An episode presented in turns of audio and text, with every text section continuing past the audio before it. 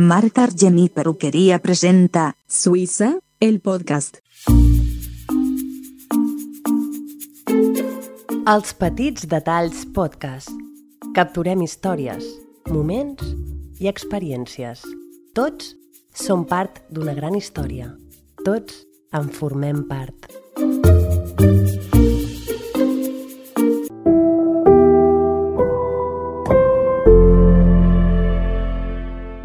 Marta Argemí Perruqueria. Dona, homes, nens. A Riudellots de la Selva. A l'Avinguda dels Països Catalans sense número. A les Galeries. El nostre telèfon és el 972 47 82 99. 972 47 82 99.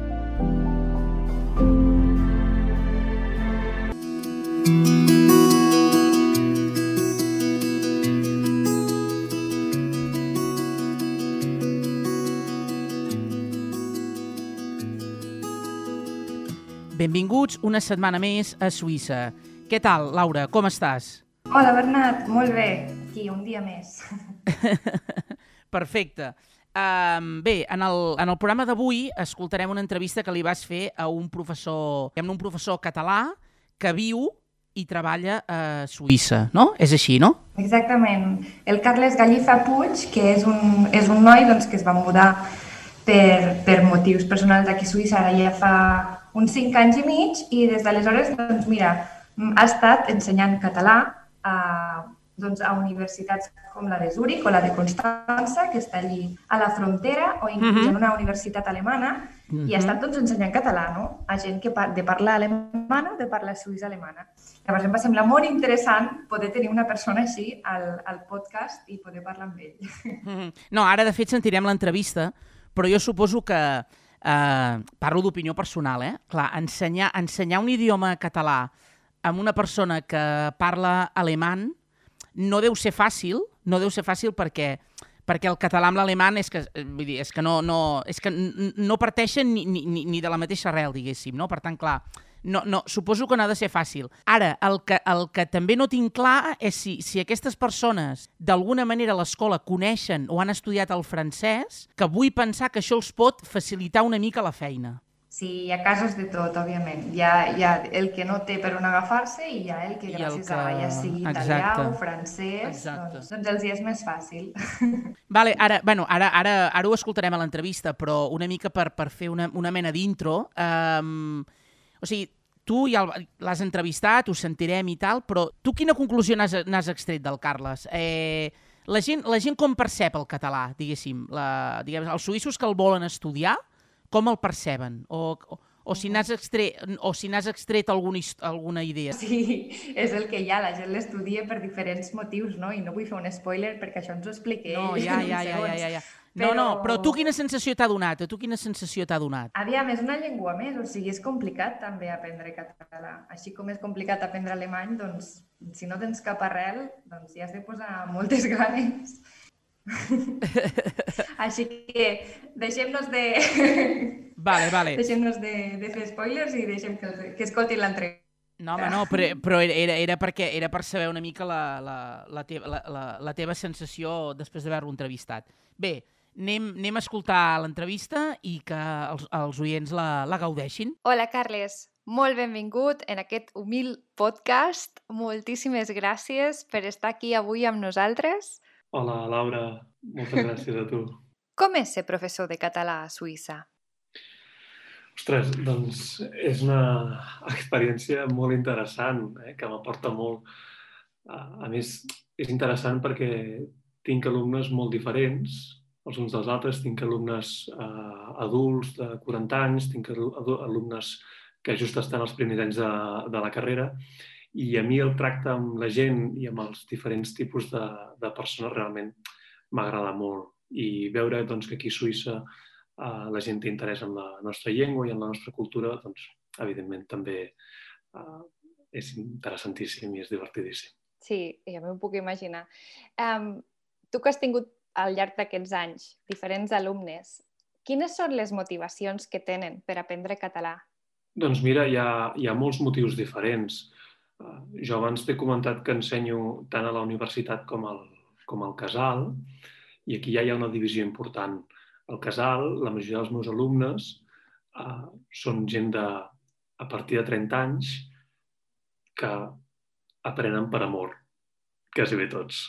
Gairebé tots aprenen per amor, perquè tenen una parella de Catalunya i, i volen aprendre la llengua de la, de la seva família.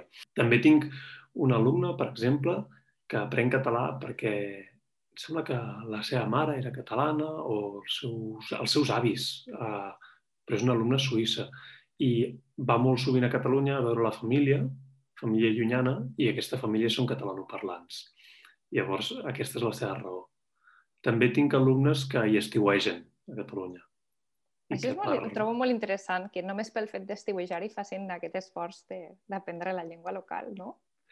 Sí, també són, són gent, en aquests casos, els que hi estiuegen, que té facilitat i interès per les llengües en general. Les dues alumnes en qui estic pensant parlen totes dues francès, italià, castellà, i això sempre ho fa, ho fa més fàcil. També tinc un alumne, que acaba amb el casal, que, que estudia català perquè és molt del Barça. Ostres, que està bé. I, és un bon motiu aquest. I això, com m'ho va dir, vaig al·lucinar. Però després t'ho explica i ho entens. Eh? El fet de ser molt del Barça eh, l'ha portat a fer coneixences a Catalunya, a fer amics, eh, l'ha portat a anar molt sovint a Catalunya i el mateix, també algun facilitat, interès pels idiomes en general, doncs ja ho tens. A més a més, és una persona molt polititzada, eh, també aquí a, a Suïssa, i llavors ha sentit interès per la llengua eh, a, a catalana lligat al seu interès per la política catalana. Està molt bé, també. Um, M'imagino que gran part dels teus alumnes són de parla germana. Um, aleshores, què és el que més els costa amb ells de, del català? Perquè jo, per exemple, quan vaig començar a aprendre alemany, recordo que hi havia sons que jo no sabia fer. Tenen el mateix problema sí. ells? Oh, esclar, i tant. El que passa és que aquí, bé, jo ara t'he parlat dels meus alumnes de, del casal, però a la universitat tinc molts, molts alumnes que són uh, suïssos de parla alemana, però que els seus pares són uh, ja sigui italians, ja sigui espanyols, uh, però també d'altres llocs. Aleshores, moltes coses que en principi algú que parla alemany li podrien resultar difícils, ells no hi tenen cap dificultat, cap problema, perquè ja el poden comparar amb altres idiomes. La dificultat que sí que he vist amb tots els alumnes, i a més a més és una dificultat que s'hi troben a un nivell bàsic, són els temps de passat. Val. Tu parles alemany, saps que en alemany hi ha, ha bàsicament tres temps de passat, eh, el plusquamperfecte, i després n'hi ha dos que serveixen exactament pel mateix, però s'utilitzen en contextos diferents. Diferents, sí. I en català hi ha més varietat, i això els hi genera moltes dificultats. Ja. Yeah. En català distingir entre he fet i vaig fer, ostres, uh, és complicat. I, I després introdueixes el feia. I aquest és més diferent dels altres dos, però igualment no, no és una cosa fàcil. Sí, sí. I a més això és, és fumut perquè s'hi troben molt, molt aviat. Ja m'imagino. No, no, clar. O sigui, jo em queixo d'estudiar alemany, però m'imagino que estudiar català tampoc ha de ser molt fàcil. No, totes les llengües tenen la, la seva dificultat. El que passa que, mira, una cosa que tenen tant l'alemany com el català, que ho fan fàcil, és que un cop coneixes quatre normes d'ortografia, si veus la paraula escrita, la saps pronunciar. La saps pronunciar. Això també és veritat. Jo hi ha coses que, que sí, que, que em surten automàtiques i que tampoc no ho sé. Sí. Carles, tu quants idiomes parles? Jo parlo català, castellà, francès, anglès, alemany, i després eh, vaig fer un curs de portuguès a la universitat, però el tinc molt oblidat perquè després ja no l'he utilitzat més i quan vaig començar a aprendre alemany, eh, doncs una cosa va acabar substituint l'altra. També he fet algun curset d'italià, però, però molt, molt bàsic. El que passa és que al final, com que són llengües romàniques, el nivell de comprensió, per, pocs, per poques classes que facis, acaba sent molt alt. Ara bé, poder-se expressar en aquestes llengües ja, ja és una altra, és una altra, cosa, no? una altra història. M'imagino. Sí, sí. I a tu, no sé si et passa, però quan canvies a diari d'idioma i són idiomes tan diferents com podrien ser, doncs, tu estàs donant classes de català i de sobte després tornes al món real, potser doncs, uh -huh. sent suís-alemany o parles amb alemany. Um, a tu no et passa que el cervell se't bloqueja de vegades? Ostres, no, no m'hi he trobat mai. El, les dificultats me les he trobat amb... que se'm bloquegi, no. Les dificultats me les he trobat més amb, amb idiomes que són molt semblants per no copiar estructures d'un idioma en l'altre. I això tots els que som catalanoparlants i que també parlem castellà ho coneixem, oi? Tots Sí. sí. fem catalanades o castellanades Exactament. i això és inevitable. I amb... quan aprenia francès i després tenia una conversa en català, feia estructures del francès i, i amb l'italià i el portuguès eh, passa el mateix i això és, és molt típic. No, és que podria... Segurament el teu cervell està molt més ben estructurat que el meu, perquè jo, què vols que et digui, no he sigut mai cap fan d'estudiar llengües i l'alemany m'ha vingut així com per obligació. I m'he trobat que parlant català he arribat a girar mm, els verbs de les frases. O sigui, jo Què parlo dius, català ara? com si... Sí, no t'ha passat... Bueno, ja veig que no a tu no, m'hi- et passen aquestes no, coses. Però sí, que- sí, això m'ha passat parlant anglès. Menys mal, Això de així. canviar l'ordre de la frase i utilitzar una, una estructura més, més alemanya quan parlo anglès. Això sí que m'ha passat. Sí, sí. Vull dir, és que inclús l'altre dia vaig girar els números. O sigui, vaig dir un número en català, o sigui, volia dir 58 i vaig dir 85. I ja et van entendre? No, clar que no. La, la meva germana es va quedar, "Que, però què dius, Laura? I, I dic, ostres, dic, és que crec que ho he fet, dic, perquè com que en alemany comences a llegir el número com pel final, que és una cosa que odio, perquè Sí. em costa moltíssim, I quan et diuen números de telèfon és molt confusiu, oi? Perquè apretes Bueno, primer que no toca. Exacte. O jo sempre, si l'he de dir jo, el dic d'un a un. I si me l'han de dir, sí. Els hi faig repetir diverses vegades per assegurar-me que l'he agafat bé. doncs, doncs això que has dit de, de canviar l'ordre de la frase o així, sí que m'ha passat molt parlant anglès. Doncs sí, Sí, sí. sí. Val. Que ara que ja portes gairebé 5, a... bueno, 5 anys i una mica més aquí a Suïssa, um, què és el que més t'agrada d'aquest país? Mira, jo sóc de Barcelona ciutat, he crescut al centre de la ciutat, he viscut tota la vida al centre de la ciutat, i aquí, a Zúrich, als afores, surto a córrer i en dos minuts estic al mig del bosc. Uh, amb boscos increïbles, al mig de la natura i no sento ni un sol cotxe. Això m'agrada molt. Sí, sí, O sigui, és està amb la natura, bàsicament, sí. absolutament. Sí, i també suposo que no trobes a faltar um, el temps aquest d'anar a treballar o d'anar d'un lloc a l'altre de Barcelona i tardar... No ho sé, jo trobo que a Zúrich, al ser més petit, arribes més aviat a tot arreu o amb la bicicleta tot més Sí, accessible? el que passa és que sé, sé què vols dir, el que passa és que jo això a Barcelona no ho, vaig, no ho vaig viure mai gaire com una cosa dolenta. Vaig estudiar a la Universitat de Barcelona, l'institut també el tenia a prop de casa, eh, he viscut sempre a, a l'Eixample, doncs al final, per mi personalment, els temps de transport no eren tan dolents, però sé, sé què vols dir d'alguna vegada que havia fet alguna feina al Poble Nou o, o, o a Nou Barris, no? però, però no, no era tan, tan comú. M'ho vaig poder bueno. establir. Millor, millor. Um, trobes a faltar alguna cosa de Catalunya? Oh, esclar, um, trobo, i tant, trobo falta el temps. I avui, si mires per la finestra i veus aquest Avui no Cel tenim un dia de ser bo. que a 15 de març fa un fred que pela, doncs això sí que trobo falta el temps d'allà. També, clar, jo em sento molt més còmode en català que en alemany i això fa que um, potser és una barrera que m'he quedat ficant jo a mi mateix, eh? però em costa més a dir, va, aniré al teatre, aniré al cinema aquí que no pas allà, perquè quan dic aniré al cinema penso, hòstia, quin esforç que he de fer ara. No? Són, són dues hores de no estar descansat, sinó d'estar uh, parant atenció i esforçant-me. Sí. Clar, no, sí, sí, tens tota la raó. Jo, clar, de fet, sempre que vaig al cinema um, aquí a Zúrich intento anar a veure la versió original de la pel·lícula. I llavors, Clar, vulguis o no, la, amb anglès ja no, no em costa tant. Però sí, sí, jo pel·lícules en alemany me les poso quan vull, a, o sigui, quan vull treballar l'alemany, quan vull aprendre. Ara, si estic de relax, òbviament. clar. I al teatre hi has anat mai aquí? Sí, Sí? sí, Ah, mira. Sí, hi he anat molt, però també t'he de dir que sobretot hi anava molt al principi, quan encara no, ni, ni dominava l'alemany, perquè Ah, sí? encara érem estudiants i rebíem descompte d'estudiants. Ah, d'acord. I, I a més m'encantava perquè és un teatre... bueno, el teatre, de, no sé, hi hauràs anat, no? El teatre de Zúrich és així com petitet Sí, sí. i, i sempre tenen obres diferents i, i no sé, De fet, he anat, crec que he anat mm, més aquí al teatre que no pas a, a Catalunya, que ja es diu molt. Però... Ah, doncs mira, clar, al final, a vegades les coses que, que trobes a faltar no és perquè no les tinguis, és, sinó com tu mateix les enfoques per ser en un altre Sí. país, una altra ciutat, oi? Sí, sí. Ara, t'he de dir que de moltes obres pues, em perdia part d'ell. O sigui, sort que hi ha l'expressió no, de, dels actors, però moltes vegades necessitava el meu nòvio i dir-li i ara què ha dit? I ara què ha He passat? dit aquí, explica-m'ho.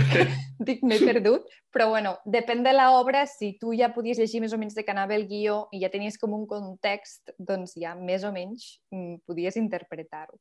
Això, doncs ho provaré, d'anar a buscar, anar a mirar obres que ja, que ja hagi llegit o conegui o ja hagi vist. Sí, a més a més n'hi ha moltes que les fan amb... que ja no les fan ni amb, ni amb el dialecte, sinó que les fan amb, amb Hochdeutsch, amb l'alemà... Com ho Mm. diu? Com ho dius això en català? Alemà... Jo en dic Alemany estàndard. Alemany estàndard, doncs això mateix. Sí. Perquè sí que és veritat que, que amb suís alemany és encara molt més complicat de- Clar, d'entendre. per suposat. Tu com el portes, el suís alemany? No el porto. No, no perquè um, jo quan vaig venir no, no el parlava gens i els amics que he fet aquí o, o són estrangers, ja sigui catalans o, o d'arreu, llavors hi parlo català o anglès, o si són suïssos ens hem conegut en anglès, perquè jo al principi l'alemany no, no el tocava. Llavors l'alemany l'he acabat utilitzant només en contextos formals. I això fa que al, al final domines més l'estàndard i el, el dialecte l'he tocat poc. I sí que entenc eh, allò que t'hi trobes, no? De, o sigui, entenc el que em diuen al supermercat, entenc el que eh, em pot dir algú així en un moment pel carrer, però, però poca si- cosa sí, més. Si és alguna cosa molt més complicada, ja es comença... Exactament. A mi se o- Tinc el cap bastant obert i d'oïda d'oïda bastant bé, depèn de qui. Ara, no, no em passa amb tothom. Hi ha gent que entenc millor que els altres, perquè, clar, a la que comences a canviar de cantons, ja cada, cada suís alemany és diferent. Clar. Però sí, sí. Aleshores, tu que ets una persona que t'agraden els idiomes, què és el que més t'agrada del llenguatge? El que més m'agrada de, de la llengua llen- en general. Sí, Ostres, um... quina pregunta més. Aviam, El, jo el que, el, que, el, que més, el que més gaudeixo i al final allò en què m'ho passo més bé és que un idioma és una porta a una cultura, oi? Um, jo penso en, en, en molts estrangers que viuen a Catalunya però que no, no parlen català i penso, ostres, què t'estàs perdent? també és veritat. Perquè sí, sí. hi ha la meitat del país que no, i també ho penso a vegades, no? I el fet de, de no parlar suís-alemany, penso, aquí estic segur que m'estic perdent moltes coses que passen i que pel fet de no, de no entendre bé el dialecte, doncs eh, és una porta tancada, no? Recordo quan, quan vaig aprendre anglès i quan vaig aprendre francès, que en tots dos casos vaig tenir la sensació que el món es feia més gros de cop. És veritat. Sí, sí, no? I Estic això és meravellós. Ara bé, soc filòleg i m'encanten coses com la fonètica i a vegades vaig pel carrer fent ganyotes, pel carrer fent ganyotes i em diuen què passa? I dic, no, és que estava pensant en fonètica i on poses la llengua quan pronuncies això i tal. Ostres. Però això són... Uh, també m'agrada la sociolingüística, no? uh, crec que qualsevol que es dediqui a la filologia i que sigui català i acaba dedicant part dels seus pensaments, però això ja és una altra història. Sí. Molt bé, m'agrada molt. Um, creus que dels teu, d'algun dels teus alumnes el podríem enredar per a que ens expliqués en català, um, així com a exercici? Una Aviam. mica, no sé, eh, a mi se m'acut que ens presentin el que els agradi de Suïssa o, o d'on venen, si és que són de Zúrich o d'algun altre cantó. Creus que els podríem enredar per a que participessin al podcast així curtet? A mi em sembla que sí. De fet, en tinc un parell en ment que, que s'apunten al que sigui. O sigui que ja, ja intentaré parlar amb ells, aviam què... Perquè, bueno, o sigui, seria molt... Jo trobo que seria molt divertit perquè, clar, aquest podcast realment, o sigui, parlem una mica de tot i de res, no? Però sempre en relació sobre el país, no? I, i en català. I llavors tenir suïssos parlant en català jo crec que seria una cosa, una cosa inèdita. Per suposat, Us sí, sí. Tinc, tinc un parell d'alumnes al cap que, que crec que ja estaran molt ben disposats. Ja els ho, ja els ho preguntaré. Perfecte. Vale, Carles, doncs això ho deixem aquí. Moltíssimes gràcies per haver estat aquí. Eh, ens feia moltíssima il·lusió tenir-te. Eh, trobo que ha estat superinteressant tot el que ens has explicat. I si et ve de gust, potser t'invitem un altre dia i parlem d'un altre tema, però moltes gràcies. Me n'alegro que, que us hagi interessat i, escolta, sí, si trobeu un altre tema que em pugui interessar, jo estic encantat de participar-hi sempre que vulgueu. Perfecte, doncs estem en contacte. Adeu! Adeu, adeu.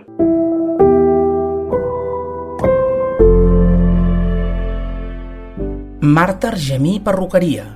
Dona, homes, nens. A Riudellots de la Selva a l'Avinguda dels Països Catalans sense número, a les Galeries. El nostre telèfon és el 972 47 82 99. 972 47 82 99.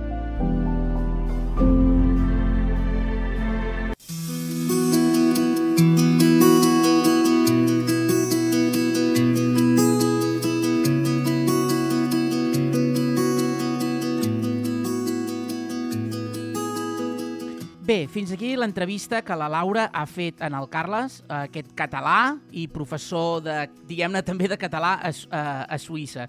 Bé, un capítol que hem volgut dedicar una mica a les llengües, eh, al català, a com la gent percep els idiomes, per dir-ho així, i bé, ens veiem en, en propers programes. Per cert, uh, Laura, di, di que per Setmana Santa, com que no, no, varen fer, no varen fer programa perquè varen fer vacances, eh? vull dir que els oients no, no pensin que, que no me'n fes, sinó és perquè també també s'ha de fer vacances. Suïssa, el podcast. Uh, adéu, adéu.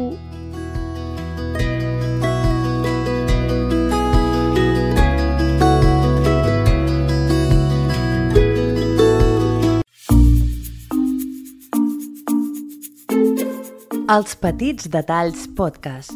Capturem històries, moments i experiències. Tots som part d'una gran història. Tots en formem part.